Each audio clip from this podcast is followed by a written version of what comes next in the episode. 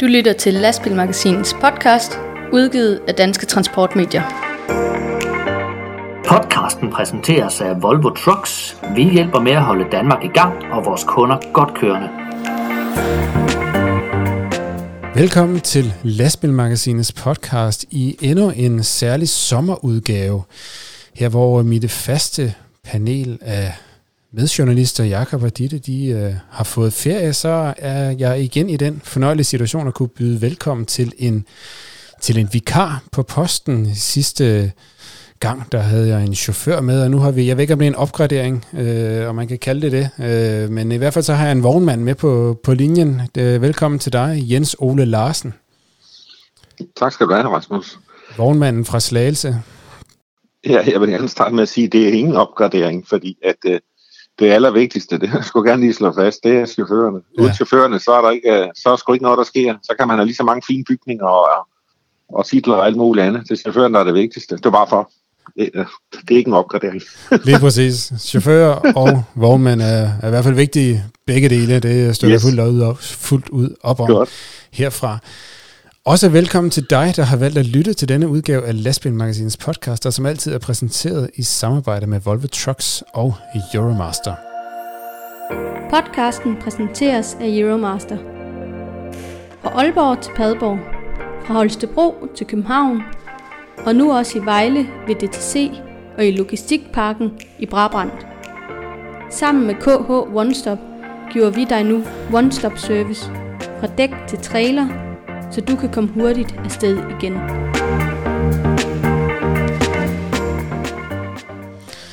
Og Jens Ole, vi, øh, vi skal jo øh, lidt igennem nogle øh, aktuelle emner fra transportbranchen. Godt nok er det vi midt i sommer, sommerperioden, men øh, der er der sket lidt. Uh, vi kigger sådan lidt tilbage henover også først på, på sommeren. Noget af det, som jeg har talt meget med i, uh, i vores øh, forrige sommerspecial, med, hvor vi havde chaufføren Henning Balu Olsen med. Det var det her nye infrastrukturforlig, som var indgået mellem regeringen og, øh, og, og, og en bred øh, vifte af, ja, stort set alle Folketing, Folketingets partier var, var med i, i hele aftalen. I hvert fald en meget bredt forlig. Øh, vi havde mest fokus på, øh, på den del, der ikke var med, det var sådan de her chaufførforhold. Der var ikke rigtig, ud af de 161 milliarder kroner, der var ikke afset nogen øh, opgraderinger til øh, toiletforhold eller andre sanitære installationer til, til hverdagens lastbilschauffør derude. Jeg vil ikke øh, set fra din stol som, øh, altså mormand i Slagelse, Jens Ole. Var det noget, du bed mærke i den her infrastrukturplan? Har I armene op eller nede øh, over hos jer? Overordnet set, så har vi armene op, fordi at øh, det vi laver i Danske Fragment, som jeg er en del af, der bruger vi jo øh, vejnettet rigtig meget, og vi bruger selvfølgelig primært øh, motorvejsnettet rigtig meget. Og der er det en fornøjelse med de ting, der, der bliver lavet. Omkring restepladsen, så er jeg helt enig. Altså, jeg tør sgu ikke selv gå ind på et toilet, hvis jeg, hvis jeg kommer sådan et, øh, på en af de restpladser. Det er helt sikkert. Men vores folk har jo ikke så langt mellem terminalerne, måske maks fire timer, og det er sikker på, at de altid kan klare toiletbesøgende på terminalerne, som er i orden og så videre. Men det er, det er, det er sgu en skandal, som det ser ud. Det er helt, det er helt korrekt. Så. Ja, på den måde er det selvfølgelig mere til at have mere at gøre, når man kører fragt. Det er jo også mest... Ja. Øh, øh, det eneste, der har været sat af til nogle restepladser, det er nogle flere pladser på nogle øh, seks udvalgte motorvejsrestepladser, og det, som vi hører fra chauffører, det er jo øh, der, motorvejene kunne godt bruge et løft, men det er jo især ude på, på de små landeveje, hvor man øh, hvor mange tit jo strander, når køretiden er brugt op. Det er der, det, øh, det er ikke altid for børn at gå ind på sådan et, et, et toilet på, på sådan en øh, øde, ubemandet resteplads i hvert fald. Nej, og man skal også tænke på, at det er jo faktisk også et billede ude til det. Altså, der, der er også mange turister, jo, der nødvendigvis er nødt til at træde af undervejs på, på, på toiletterne, og det er måske ikke lige det bedste signal at sælge om Danmark. Ja. Men uh, sådan er det. Ja, men øh, alt det kommer vi godt igennem i, øh, i, i, i forrige podcast. Vi, vi går lidt øh, videre til noget af det, der har taget overskrifterne. En ting, som jeg ved, man i hvert fald også følger med i, i øh, danske fragtmands kredse. Jeg fik ikke lige præsenteret dig, Jens Ole. Du, øh, du driver jo, skal vi lige uh, sige, du driver jo det, der hedder HLS Fragt, skråstrej Slagelse Transportcenter i Slagelse, og I er jo en del af Danske Fragtmænd netværket, og øh, her ved jeg, at I også følger med i det firma, som hedder PostNord Logistics. Det er jo et af de mest omdiskuterede selskaber i den danske transportbranche i de seneste år. De kom ud med et øh, nyt regnskab her for, øh, for nylig. Og øh, ja, der var jo glæde i selskabet, for man havde altså formået at øh, nedbringe underskuddet i, øh, i regnskabet 2020 til nu øh, 7,5 millioner kroner. Det er jo altså en markant fremgang for året før, hvor det var underskud på 17,5 millioner kroner. Og det er jo altså en bundlinje, der er forbedret på grund af fortsat stigning i aktivitetsniveauet, fremgår der i ledelsesåret. Så det, Jens Ola, det er jo en god nyhed. ja, alt er relativt. Øh, hvis vi lige starter med, med armene der, så synes jeg jo ret hurtigt, de skal ned igen, fordi at hvis man kigger 8-9 år tilbage, hvor man for først for alvor begyndte at have staten med ind over så meget, der havde man i mange år et underskud, der lå og rode omkring de der 6, 7, 8 millioner.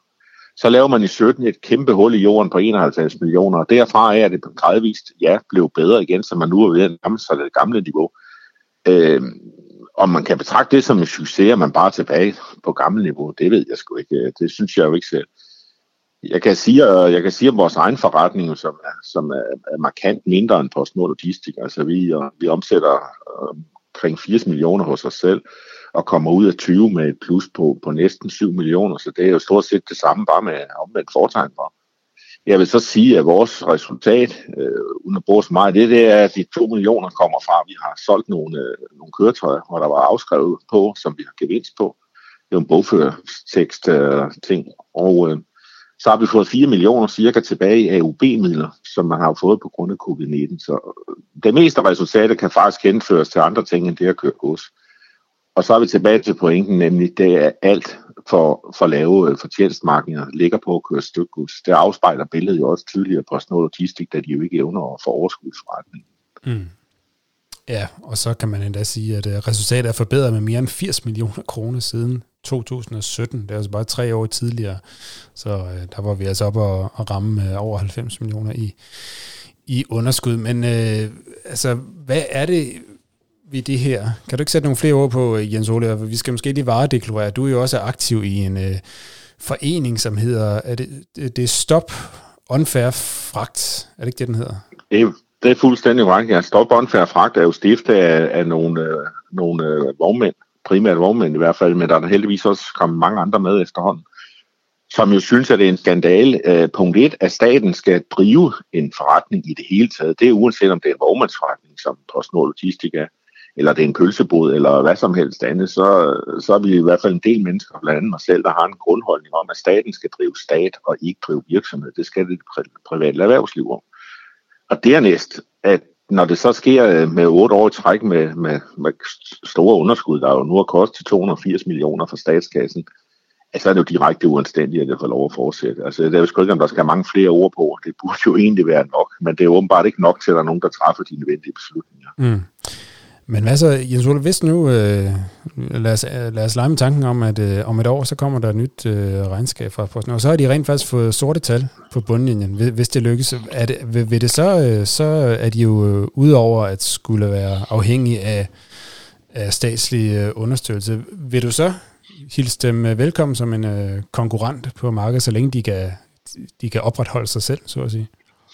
Nej, på ingen måde, men det, det, er, jo, øh, det er jo noget, som vi podcasten bare ikke er lang nok til, vi kan, vi kan tage, men blandt andet kører man det jo med noget, der hedder incremental cost, hvor det jo i princippet betyder, at øh, hvis bare du putter et brevbue ind på en, på en lastbil, så får du flyttet alt stykgodset gratis, selvom det foregår over et andet selskab. Øh, så, er det, så er det brevmængden, der betaler for, for fremførsel af godset, og det bliver jo brugt, øh, det, ved vi. Vi har jo samtaler med både vognmænd og chauffører, der, der gør det på daglig basis for PostNord Logistik, øh, hvor man blander breve og stykgods, hvilket de også godt må selvom det er to forskellige juridiske selskaber. Det betyder bare, at den ene kører gratis, øh, for eksempel fra, fra Aalborg til, til Køge. Øh, og det, øh, det vil vi jo aldrig kunne konkurrere imod. Altså det her handler jo ikke om konkurrence, det handler jo om, at det er spild af samfundspenge, det der foregår. Der er jo en grund til at drive en stykgodsforretning i, i Danmark på offentlig regi, hvad skulle man det for? Der er jo så mange andre aktører. Mm. Nej, altså nu, nu siger du, hvorfor skulle man det? Og hvis jeg lige skal lege djævelens advokat et øjeblik, jeg har jo lige gjort lidt research, simpelthen for, for den her podcast. Jeg var lige tilbage i arkiverne på lastbilmagasinet.dk for at se, hvad vi egentlig skrev om det dengang, da postvæsenet, Post Danmark hed det bare dengang, at de begyndte at bevæge sig ind på det her marked for, for stykker. Så hvis vi kort skal rise historikken op for PostNord Logistics AS, så stammer selskabet jo fra, fra dengang, da Post Danmark overtog det tidligere selskab, som hed Transportgruppen, som jo var ja, sådan lidt, øh, ja, det, de var jo en direkte konkurrent til, øh, til danske fragtmænd, og er det jo så øh, stadigvæk, øh, kan man sige, bare under andet navn. Men det, starten på det skete helt tilbage i 2006, da de første øh, skrev, eller de første udmeldinger kom frem om, at Post Danmark ville ind på markedet for, for stykgods. I første, om, første omgang overtog de øh, 51 procent af aktierne i øh, virksomheden. Det faldt på plads i starten af 2007. Og de overtog så nogle år senere, så overtog de så øh, fuldt ud selskabet Transportgruppen, øh, som så senere skiftede navn til PostNord Logistics, som det jo så hedder i dag. Og hvis jeg sådan lige skal øh, fortælle, øh, det der blev meldt ud dengang, hvad baggrunden var for, at Post Danmark gik ind, det var den øh, daværende visdirektør, dengang han udtalte sig i 2007, det de lige havde overtaget. Men denne aftale bliver Post Danmark den mest komplette transportør på det danske marked. Og i samarbejde med vognmænd vil vi kunne tilbyde vores kunder et samlet koncept, der omfatter både kurerforsendelse, pakker og stykgods i alle størrelser. Altså argumentet er jo ligesom, at øh, kunder i dag, jamen, de efterspørger ikke kun at kunne sende et øh, brev øh, eller et stykgods eller en pakke. De vil gerne have en samlet transportør til at kunne håndtere det hele. Så, så når de kommer med et brev, så kommer de måske også med en, med en pakke, så det er for, at de ligesom kan håndtere det. Er det ikke, er det ikke meningsfuldt nok, at man på den måde så ønsker at kunne være en komplet transportør, når man i forvejen har brevbefordringspligten, som det forstår. Okay, da. Jo. Så afgjort. Det, det tror jeg, at de fleste virksomheder, der, der driver noget, som ligesom danske fragtmænd gør, eller dansk distribution gør, DSV for den sags skyld, fru Larsen og alle andre, vil da også gerne lave en samlet palet og rette det også. Det er der, der ikke noget odiøst i. Det synes jeg, der er ganske fornuftigt. Jeg synes jo bare ikke, det bør ske med altså, punkt 1, at staten skal gøre det. Det er jo min egen personlige ideologiske holdning om, at staten skal ikke drive virksomhed, de skal drive stat.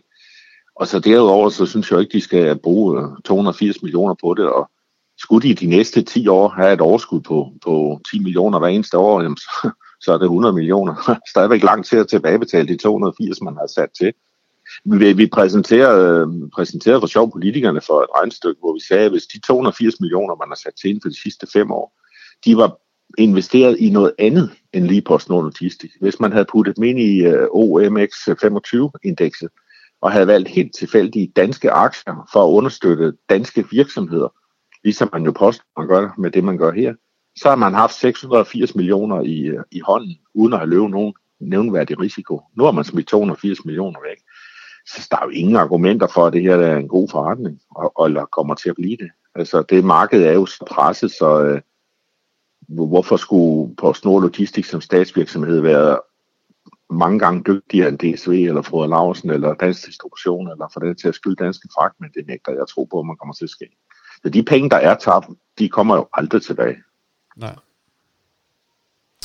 Nej, hvis vi går 10 år tilbage i tiden, da Post Danmark, som det hed dengang, øh, de overtog 100% af, af de overtog samtlige aktier i transportgruppen og blev fuldstændig eneejer af deres, af deres eget øh, stykgodsselskab. Så var øh, Danske Fragtmænd, som du jo er del af, øh, Peter Jebsen, som var direktør dengang, eller det er han jo stadigvæk, han var ude og udtale, at øh, at øh, man så med meget stor bekymring på, på den her overtagelse, og at man var bekymret for, at Post Danmark vil lave prisdumping i en branche, hvor der i forvejen er meget dårlig indtjening. Nu 10 år senere, hvad, hvad er din oplevelse af bekymringerne, bekymringerne blevet, blevet indfriet, så at sige? Nej, altså Peter Jebsen, øh, er, er, det er rigtig nok, en tidligere direktør, men han er jo ikke vores administrerende direktør, bare lige for at få det på plads. Han, han er man har en direktørstilling i firmaet, men det er der jo flere andre, der også har. Ja, ja. Øh, men udover det, så, øh, så hænger det jo sådan sammen, at dengang man overtog transportgruppen helt og fuldt, så var det jo en nød, for det hele skidte var ved at ramme sammen. Mm. Altså dengang Post, øh, Post Nord oprindeligt gik ind i transportgruppen, der var det jo ikke fordi, at, Post, øh, eller, at transportgruppen var en guldrende forretning. De var jo kørt helt ned på sokholderne og var stort set ved at smide håndklædet. Så kom Post Nord med ind, men del. Og da det stadigvæk ikke lykkedes at få fornuftige tingene, så overtog man det fuldt og helt og tog det fulde ansvar. Og der skulle man nok bare hellere have bakket ud i stedet for. Så der er på intet tidspunkt, heller ikke tidligere i forløbet, været tale om en succesforretning, man har gået ind i på, på noget tidspunkt. Men det var klart, at den bekymring, vi udtrykte for 10 år siden, det er jo fordi, at nu vidste vi, at nu var der fuld adgang til alle de midler, man egentlig skulle have som hjælp, hvis det var det, uanset om det var fornuftigt eller ej. Det, og den bekymring er jo til fuld indfriet. Hvis du bestemmer, hvad skulle de så stille op med selskabet nu? Ja, nu er det jo mandag i dag, så øh, de skulle sådan set skifte låsen ud og, og lukke øh, i morgen, ikke? og så vil der være en lille smule turbulens øh, tirsdag, onsdag og torsdag ville markedet have taget tingene, og fredag ville der være ro på, og næste uge kørte vi igen, uden der var nogen, der opdagede noget ved det.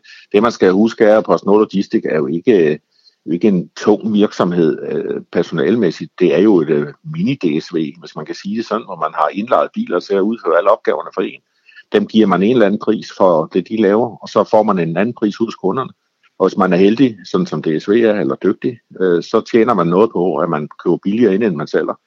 Øh, og på Snor Logistik er det så om, men der køber man enten dyrere ind og, og sælger for billigt, eller i hvert fald har det jo aldrig rigtig lykkedes at få det der til at fungere på den, som man egentlig nok gerne havde tænkt, det skulle være.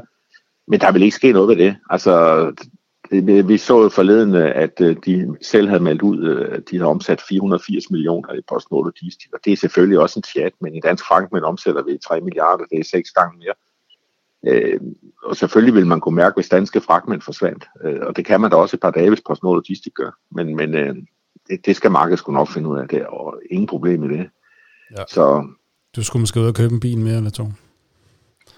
Ja, det vil jeg, men det man også skal tænke på, det er jo faktisk, at der vil jo faktisk miljømæssigt og alle mulige andre ting, vil der ske en, en meget bedre udnyttelse af tingene. Altså meget handler jo om godsintensiteten og, og få, få øh, den rigtige logistikløsning. Som, så når vi sender en bil ud, så har det vi jo markant mange stop på i forhold til mange af vores konkurrenter. Og det er jo det, der, der gør, at vi, altså, vi har kortere afstand mellem stoppene. Ikke? Også. Det, det skaber både økonomi, men det skaber sgu også øh, grøn øh, vækst, eller hvad man skal sige, øh, mindre CO2-belastning osv. Så, videre. så Godt, og på den øh, grønne note, så runder vi af for snakke om PostNord Logistisk, Logistics denne gang. Podcasten præsenteres af Volvo Trucks. Vores kerneværdier bygger på kvalitet, sikkerhed og miljø.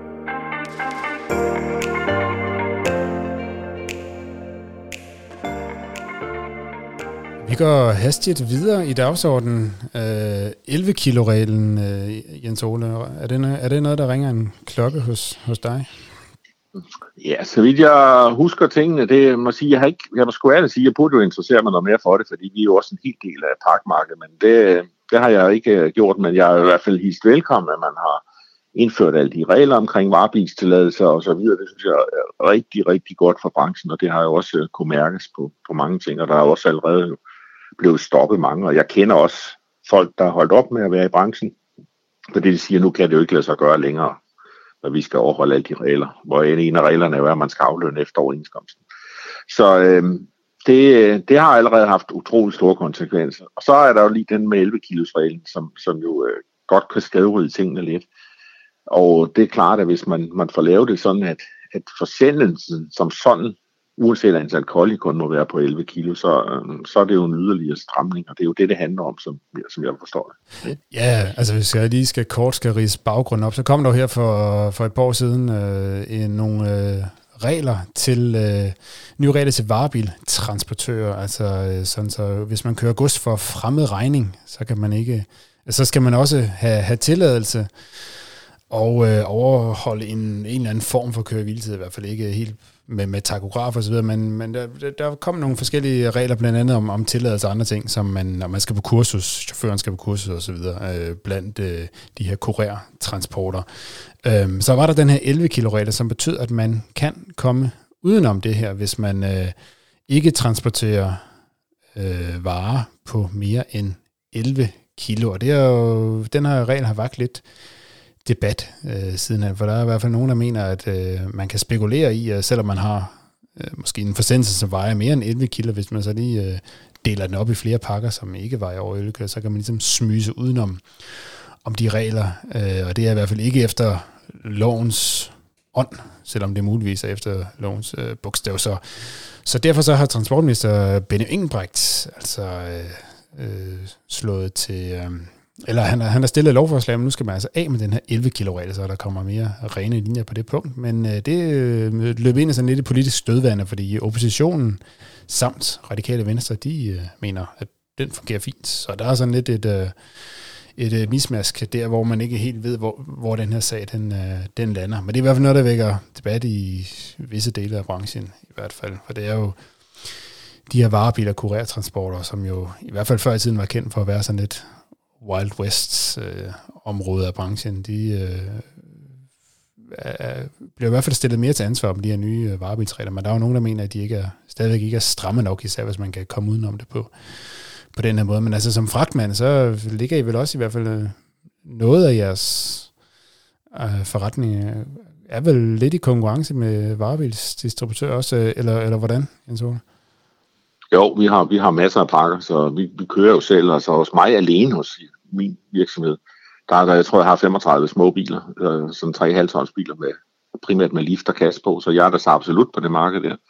Altså grundlæggende, så kan jeg slet ikke se, at der skal være nogen øh, 11 kilos regel. Den skulle faktisk være en 0 kilos regel, synes jeg jo, fordi hvis det kræver en vognmandstilladelse eller varebilstilladelse, og, og du skal opfolde nogle spilregler osv., så, så, så synes jeg, det er fuldstændig øh, tåbeligt at sætte en grænse på, på 13 eller 11 eller 7 kilo eller et eller andet. Altså enten er der en, en, nogle spilregler, eller også er der der ikke. Hvorfor, hvorfor skal man lave noget undervejs, hvor man kan, man kan spekulere i, om man lige kan skævride eller gøre ting og sager. Så jeg er helt, øh, det er ikke altid, jeg er enig med Benny Engelbrecht, men, men øh, jeg synes, at det er helt okay, at han går efter det. Og, og i min optik, så kan jeg ikke se, hvorfor han ikke bare skulle være nul. Altså, hvis du vil agere som transportør for andre, og, og transport for fremmed regning, som det hedder, og have en, vognmandstilladelse, varebilstilladelse, jamen så lader spilreglerne være en, som du kører med en pakke på 500 gram, eller den vejer 15 kilo, det der med ligegyldigt. Det er jo samme opgave, du udfører, det er kun vægten på pakken. Og den har jo intet at gøre med din behov for at vide noget, og din øh, økonomiske stabilitet, og din overholdelse af køreviltid og, og afregning og alle mulige andre ting. Det bør jo ikke være kilobestemt. Det synes jeg er en mærkelig, en mærkelig ting at, at putte med ind i. Så. Ja, altså jeg, jeg sidder mest og tænker på, hvordan er man landet på 11 kilo? Det var sådan et dejligt øh, skævt tal.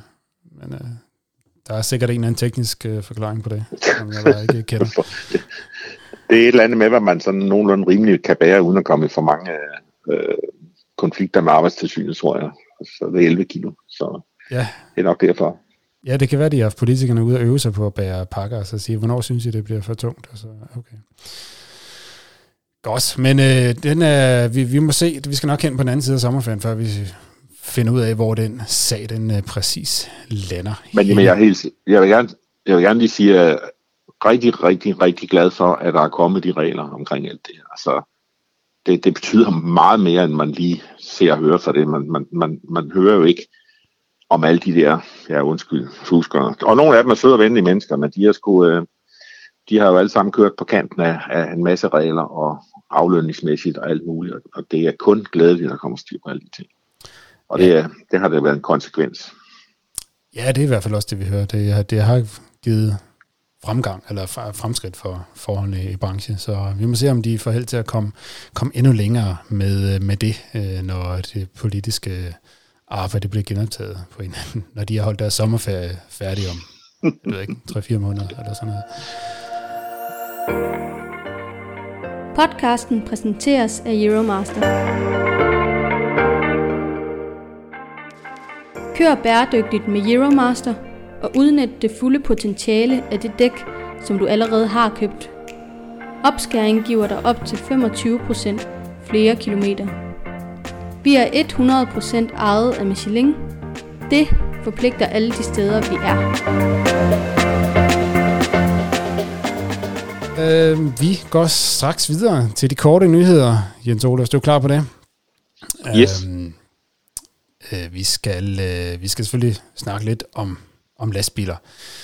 Øh, MAN Trucks, lastbilfabrikken fra München, de har introduceret den første sådan større nyhedsopdatering på den nye øh, serie af TG-lastbiler, som blev lanceret for, for halvanden år siden. De nåede lige at lancere en øh, ny øh, MAN TG-program øh, lige inden corona kom. Og øh, nu øh, er de så klar med, med den første store opdatering, og det er en masse digitale innovationer, som bliver implementeret på tværs af alle modeller, men mest opsigtsvækkende er jo, at øh, de nu også er klar med sådan en kameraløsning til at erstatte sidespejlene. Øhm, og øh, specielt for, for MAN's kameraløsning er, at det er ikke kun sidespejlene, der øh, forsvinder med den her løsning, som MAN kalder OptiView. Det er altså alle spejl. Det er også det her øh, frontspejl, som man kan se øh, kantsten og umiddelbart sådan lige, lige, foran, øh, lige foran lastbilen. Indtil videre så er det kun øh, Mercedes, der har lastbiler ude på vejene med øh, uden sidespejle i det her Mirrorcam-system, som blev som gik i produktion for et par år siden, men nu kommer MAN altså også med deres løsning, og øh, kort før det har DAF også præsenteret en, øh, en løsning. Men MAN de er altså de første, som, som kan lancere det på alle lastbilserier, altså lige fra langtursbiler og ned til bydistributionsbiler. Og det er jo særlig interessant, fordi det er jo måske især i bydistribution, at man har gavn af det her øh, ekstra gode udsyn, man har, når man ikke har de her øh, sidespejle. Ja, jeg ved ikke, Jens Ole, har, har I nogen øh, erfaring med de her spejlfri systemer? Nej, ikke i vores egen forretning. Jeg ved, at flere af vores kollegaer har, og vi snakker om det, og der er jo ingen tvivl om, at det tilhører fremtiden med de her løsninger. Og jeg er selv øh, slet ikke bleg for at, at, øh, at, at købe sådan noget, når det kommer. Nu er det bare ikke lige de mærker, vi øh, normalt vi har man, det er slet ikke det, men, øh, men øh, vi har ikke været i, i nogen, hvor vi har haft de der øh, på, på selv Mercedeserne. Altså når jeg selv kører, jeg kører mest personbil nu, men jeg er jo stadig miljøskadet. Jeg, jeg tjekker jo spejlene øh, hele tiden, når jeg kører. Og det tror jeg, at alle chauffører er vant til, at det, det gør man, men, men øh, fremtiden den tilhører helt klart noget, der er spejlløst. Det kan jeg sagtens tilslutte mig. Og, og øh, bare som eksempel på de reaktionsting, der er på lastbilerne, det er, at vi har et lille søsterselskab, MRT-transport, hvor vi kører op i Sverige. I stærkt regnvejr kører vi på motorvejen, kommer en Audi udenom, meget høj fart, og lige da han er ud for, så kommer han i skred, fordi der er akvaplaninger, der kører uforsvarligt stærkt. Drejer rundt og ryger lige ind for bilen, og den knaller bremsen i lige med det samme. Den rammer nu stadigvæk øh, bilen her, men som chaufføren siger, jeg, altså, jeg havde jo ikke, altså jeg havde slet ikke noget tænk, en tank, da jeg nærmest øh, var på vej op i forruden. Heldigvis havde han da sikkerhedssel på, fordi den reagerede så hurtigt, ikke også, og derfor blev der ikke øh, nogen, der blev materiel skade alle sammen det er, det er den vej, det kommer til at ske. Vi snakker jo også førerløse biler i fremtiden ret hurtigt. Jeg ved godt, vi kan ikke købe eller levere en palle ud på en skole med en førerløs bil, men vi kan sagtens køre fra, fra Tostrup til, til Aarhus eller tilbage igen. Og der er i hvert fald der er en grund til, at der skal være spejl på, på de situationer. Det er videre med det. Det, det skal der mere af. Ja. Så. Ja, nu er det, det er jo stadigvæk kun et mærke, der har det i, i produktion, altså derfor, men de kommer senere på året med de, med de første biler. Jeg, jeg har prøvet at køre med de her Mirrorcam fra Mercedes, og det var, det var fantastisk. Ikke så meget af det, som skærmene kan i sig. De kan jo noget med, at man kan øh, måle, hvor langt man er fra bagenden, hvis man banker til, bakker til rampe og andre ting. Men det er jo især det her med, at sidespejlene simpelthen er væk, når man for eksempel kommer frem til et uh, T-kryds. Man er vant til at sidde og kaste sig frem og tilbage i sædet for at kunne uh, se både til højre og venstre uh, igennem og igennem A-stolpen og sidespejlen og alt det her. Det er, der er simpelthen bare frit udsyn. Det er, det er, det er fantastisk. Øh, men, øh, men på, på, på Mercedes og, og DAF, som også er præsenteret, så er det jo kun de tunge øh, langtursbiler, og i Mercedes det er også anlægsbiler, hvor man kan få det til. Så det er, MN bliver jo de første, der kommer til at tilbyde det så de her bydistributionsbiler, som er nok også er de mest relevante for, for fragtmand går ud fra. Så det bliver spændende for dem ud at trille mere i, i bymiljøet. Ja, altså dem jeg har hørt, der har snakket om, de har alle øh, været positive. Alle, der, jeg har ikke hørt nogen, der er negative. Jeg har kun hørt de der, som også har været lidt frem om i pressen, at om natten kan der være noget med afstandsbedømning og så videre, men ellers så alle øh, oplever det som meget mindre stressende og, og mere overskueligt og så videre, så ja. det, er, det er helt, helt klart godt. Ja, så, men det kommer nok formentlig til at mylde frem de her løsninger på, på alle de førende lastbilfabrikker i, i de kommende år.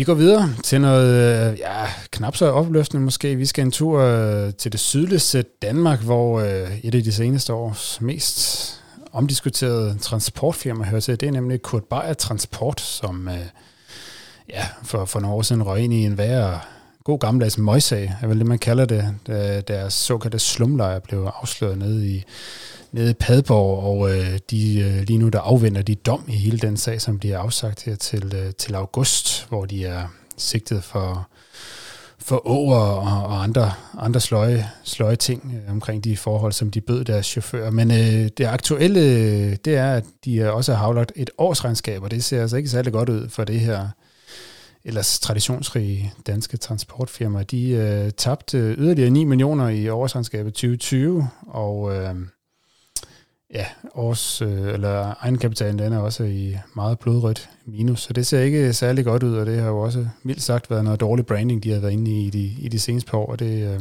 det gør sig altså også gældende på den økonomiske bundlinje, så vi må se, hvad fremtiden tegner sig for Kurt Bayer Transport. Det ser, det ser ikke så godt ud. Øhm, Kurt Bayer, som jo især også kører med, med hvide plader øh, derude på de europæiske landeveje. Og Jens Ole, jeg ved, lige inden vi tændte for optag-knappen, så sparker du en lille betragtning ind, som man måske lige kan, kan lave en elegant overgang til i forbindelse med det her emne. Altså, fordi du, når du kører på, på, på motorvejene, du havde sådan en lidt øh, uvidenskabelig undersøgelse op i, i dit eget hoved, som du havde lagt mærke til, når du kører derude. Jeg er jo tit til møder rundt omkring i landet, og, og, øh, og der møder jeg jo andre kollegaer, der også har kørt på landvejen for, at vi kan mødes et eller andet sted, nu vi igen må mødes fysisk. Det øh, har vi sgu også savnet. Det er så et sidespring. Men øh, der sidder man jo på automatik, og dels kigger på de lastbiler, man overhaler, når man kører personbiler. Man kigger også, hvad der kommer den anden vej, og så videre. Så det, det, man er nok miljøskadet. Og der lægger man jo nu mærke til, hvor mange flere, der er kommet ud at køre på, på gule plader i forhold til hvide plader. Også firmaer, hvor man plejer at se en, en øh, dansk indregistreret trailer, og så er det en bulgarer, romaner, litauer, et eller andet, der flytter på den. Øh, men det er det ikke i samme omfang mere. Og jeg ved da også sådan uofficielt, at der er lidt desperation øh, i nogle af dem, der normalt har ageret meget med hvide plader, fordi man kan ganske ikke få bilerne mere. Det er ikke fordi, at, at øh, det ikke foregår rundt omkring i Europa stadigvæk. Man har bare egentlig fra mange sider besluttet, at det skulle få bøvle i Danmark. Det er et lille land, og der er for mange regler nu, og du kan ikke parkere nogen steder, og det ene og det andet, så kører vi sgu i Sverige eller i, Tyskland i stedet for. Sammenligne det en lille smule med flygtningestrømmene, uden der har nogen øh, sammenligning med lastbilerne, de sprang jo også Danmark over og gik videre til Sverige, fordi man med åbne arme tog mod dem i Sverige, hvilket man måske også har fortrudt en mellem, smule mellemtiden. Øh, men da Danmark er blevet for bøvlet at køre i ganske simpelthen, og det, det tror jeg kommer til at afspejle det nu. Jeg, jeg kommer, tror, vi kommer til at se øh, en, en mangel på, på lastbilkapacitet. Det skal vi nok løse. Det er jo, øh, når der, op, når der er opgaver, så skal vi simpelthen nok investere. Vi skal bare nu også kunne få nogle penge. For jeg tror, man skal vende sig til nogle andre priser også øh, hen ad vejen. Det kan både være på chaufførsiden, så vi kan lønne vores chauffører noget bedre. Altså den løn, du får nu her som chauffør, den er jo håbløs i sammenligning med, hvad du får i andre brancher for at lave noget arbejde, der slet ikke er lige så ansvarsfuldt, synes jeg. Øh, det kan godt være underligt at sige som arbejdsgiver, men det har jeg sagt før, så det vil man gerne citeres for. Så øh, priserne skal op. Det, det kan ikke være anderledes. Ja, kan man, det er nok let nok at overbevise øh, chaufførerne om, at de skal have mere løn, men hvad med øh, kunderne skal betale lidt mere? Hvordan er det? Kan det også lade sig gøre? Det, vi må, Ja, det, det kommer jo, altså prøv, at forestille dig, at du for et par år siden havde sagt til nogen, jamen i dag koster det 5.000 dollar for en container flytte fra Kina til USA, men om tre år, så vil vi have, have 30.000 dollar for det. Så er de der bare grine. Så in your dreams, øh, det, er jo, det er jo markedet i dag. Jo. Det koster seks gange mere at få flyttet en container. Jeg siger ikke, det skal koste seks gange mere. Men jeg tror faktisk, hvis det her skal fungere på ordentlige, rimelige, færre og lige vilkår, man skal aflønne ordentligt, og alting skal være i orden. Jeg siger ikke, at lønningerne skal stige 30 procent. Men jeg tror, at en prisregulering på en 15-20 procent generelt overordnet set på markedet, det kommer man ganske simpelthen ikke udenom, hvis man vil have nogle ordentlige forhold, og så slippe for det her ja, cirkus, det har været i mange år. Og hvad, altså 15-20 procent, hvad, og hvad, hvad, hvilket tidsperspektiv tænker du? Jamen det, det, det kommer sgu lidt an på, hvor hurtigt udviklingen går, Rasmus, fordi at, øh, altså, dem, der, dem, der er transportkøbere, de er jo nødt til enten at lade være med at købe, eller betale den pris, der bliver udbudt på markedet. Så det kommer jo fuldstændig til afhængig af, hvordan markedet udvikler sig. Og der er det jo så dejligt, og det synes jeg jo, at de skal lade de frie kræfter bestemme inden for de reguleringer, der er. Hvor det ikke er, nu springer jeg tilbage til PostNord Logistik, at man så bare, fordi man ikke kan prissætte, og kan hente nogle penge over hos moderselskabet. Det kan man jo ikke, det kan vi andre jo ikke. Så Så de priser, vi skal producere til, det skal vi omkostningsdække. jo. ja, præcis. Jamen det er jo øh, en øh, umiddelbart positiv prognose, i hvert fald hvis den... Øh, hvis man kan få den hele vejen i mål, med også at få kunderne, kunderne, kunderne med på det. Men du giver jo selv nogle meget gode eksempler på, at øh, jamen, altså det, det, det, det, som man ikke altid tror muligt, det, øh, det sker jo bare alligevel, hvis øh, markedet er, er altså, altså hvis markedet er til det, simpelthen. Altså, hvis jeg lige må sige, øh, nu har jeg været med i mange år, min far var også vognmand, jeg har jo hørt på det her, fra jeg var helt lille af. Altså, varebilsreglerne, hvidpladereguleringerne, øh, i det hele taget det fokus, der er på at overholdelse kører hviletid. så det næste, man skal tage fat på, det er jo, at rigtig mange vognmænd kører på eksportoverenskomst uden overhovedet forlade landet, og, og nu er der jo også snak om, at det er så lovligt, eller ikke lovligt osv. Men selvfølgelig er det ikke det. Det har i hvert fald aldrig været meningen, at det var skulle, skulle øh, være statens skattefri diæter, der var med til at drive morgenmadsforretning. Altså alle de der ting, der er så mange ting, der gør, at man, hvis man gerne vil drive det her på ordentlige vilkår, tænker, yes, nu er der fandme medvind på cykelstien det føles sådan i hvert fald. Så det, det er dejligt, at der er nogen, der tager, tager fat i tingene. Det lyder godt. Uh, lad os uh, runde det af med, på den note.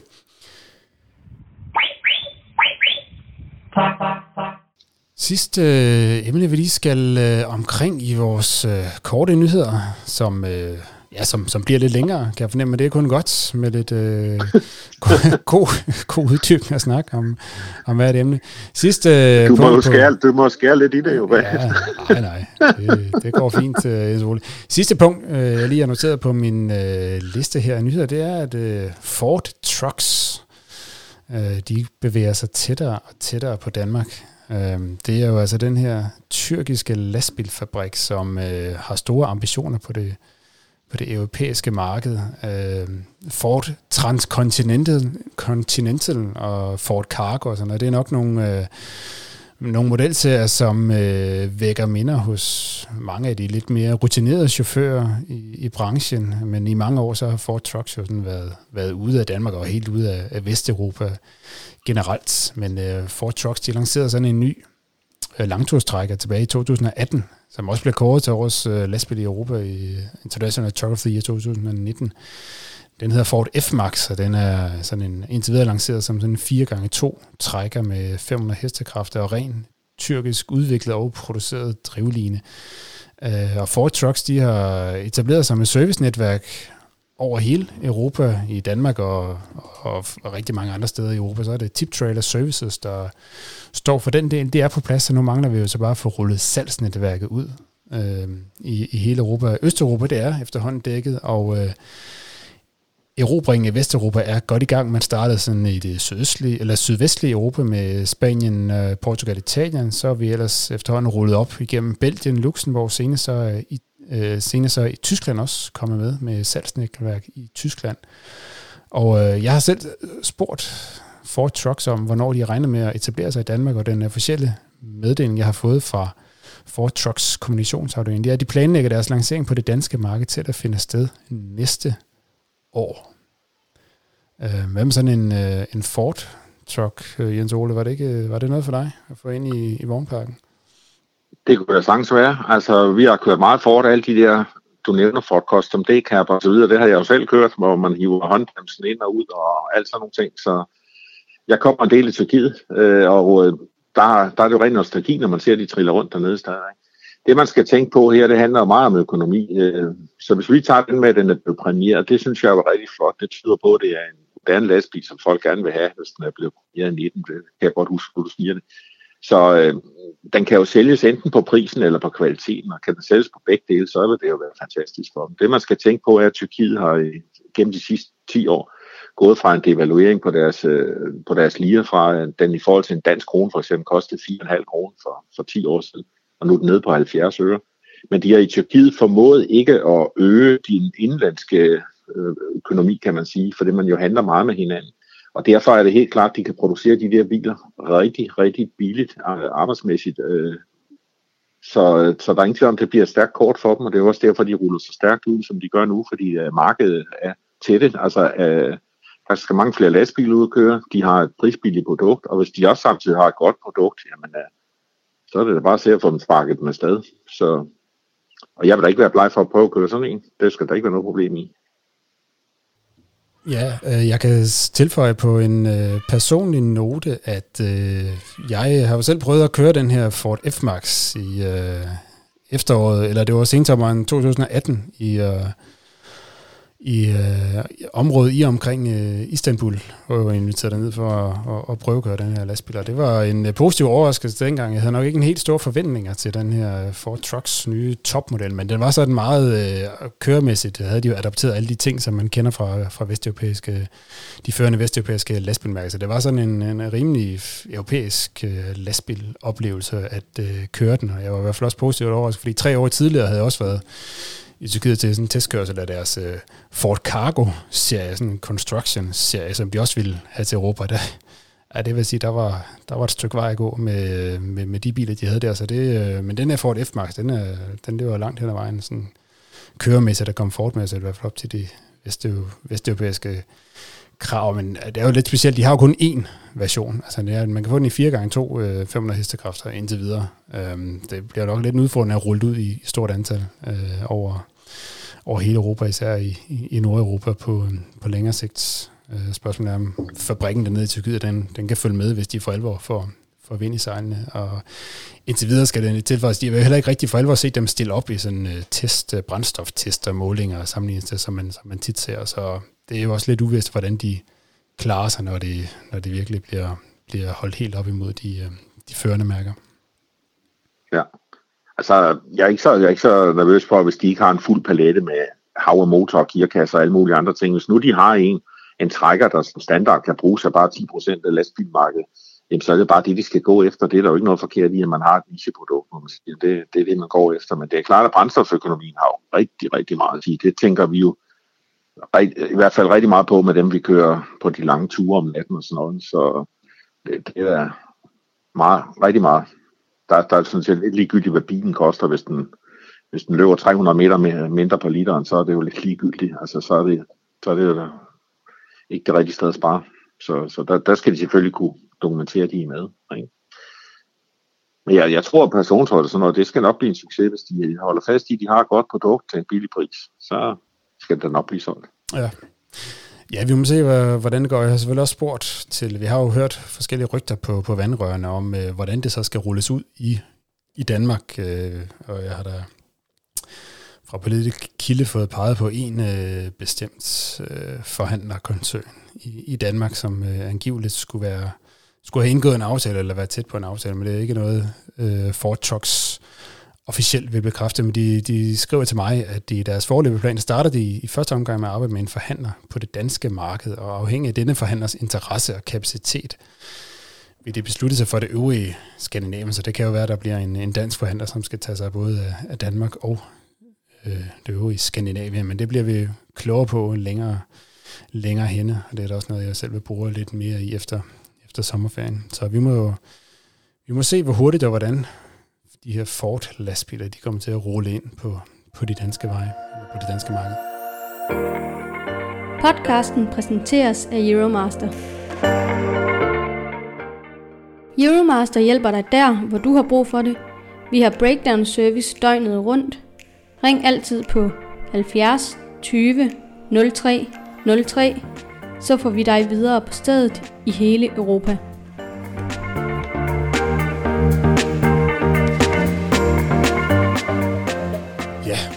Det var, øh, det var sådan set, hvad jeg havde valgt at line op til denne særudgave af Lesbian-magasinets podcast. Øhm, du skal have stor tak, Jens Ole Larsen, for at du vil træde til som sådan en øh, podcast sommervikar her i, i vores udsendelse. Selv tak. Det var spændende, og sommer er det jo blevet, så det er sgu dejligt. Ja, du skal, du skal tilbage til, øh, til den, øh, jeg kan forstå, at du er ferierende i det, i det svenske, så det var jo øh, ekstra stort af dig at tage dig tid til at, at deltage ja, her hos os. Jeg sidder, jeg sidder midt ude i skoven, ja, med to kilometer til nærmeste nabo, så det er, det er sgu dejligt. Ja, det lyder skønt. Det lyder skønt. Ja.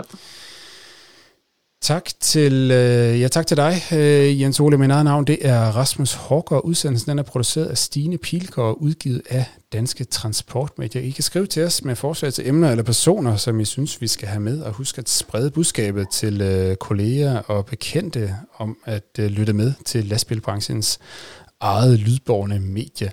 Lastbilmagasinets podcast den er som altid præsenteret i samarbejde med Volvo Trucks og Euromaster, og den største tak, den går til dig, der har lyttet med. Vi høres ved. Du lyttede til Lastbilmagasinets podcast, udgivet af Danske Transportmedier. Podcasten præsenteres af Volvo Trucks. Vi hjælper med at holde Danmark i gang og vores kunder godt kørende.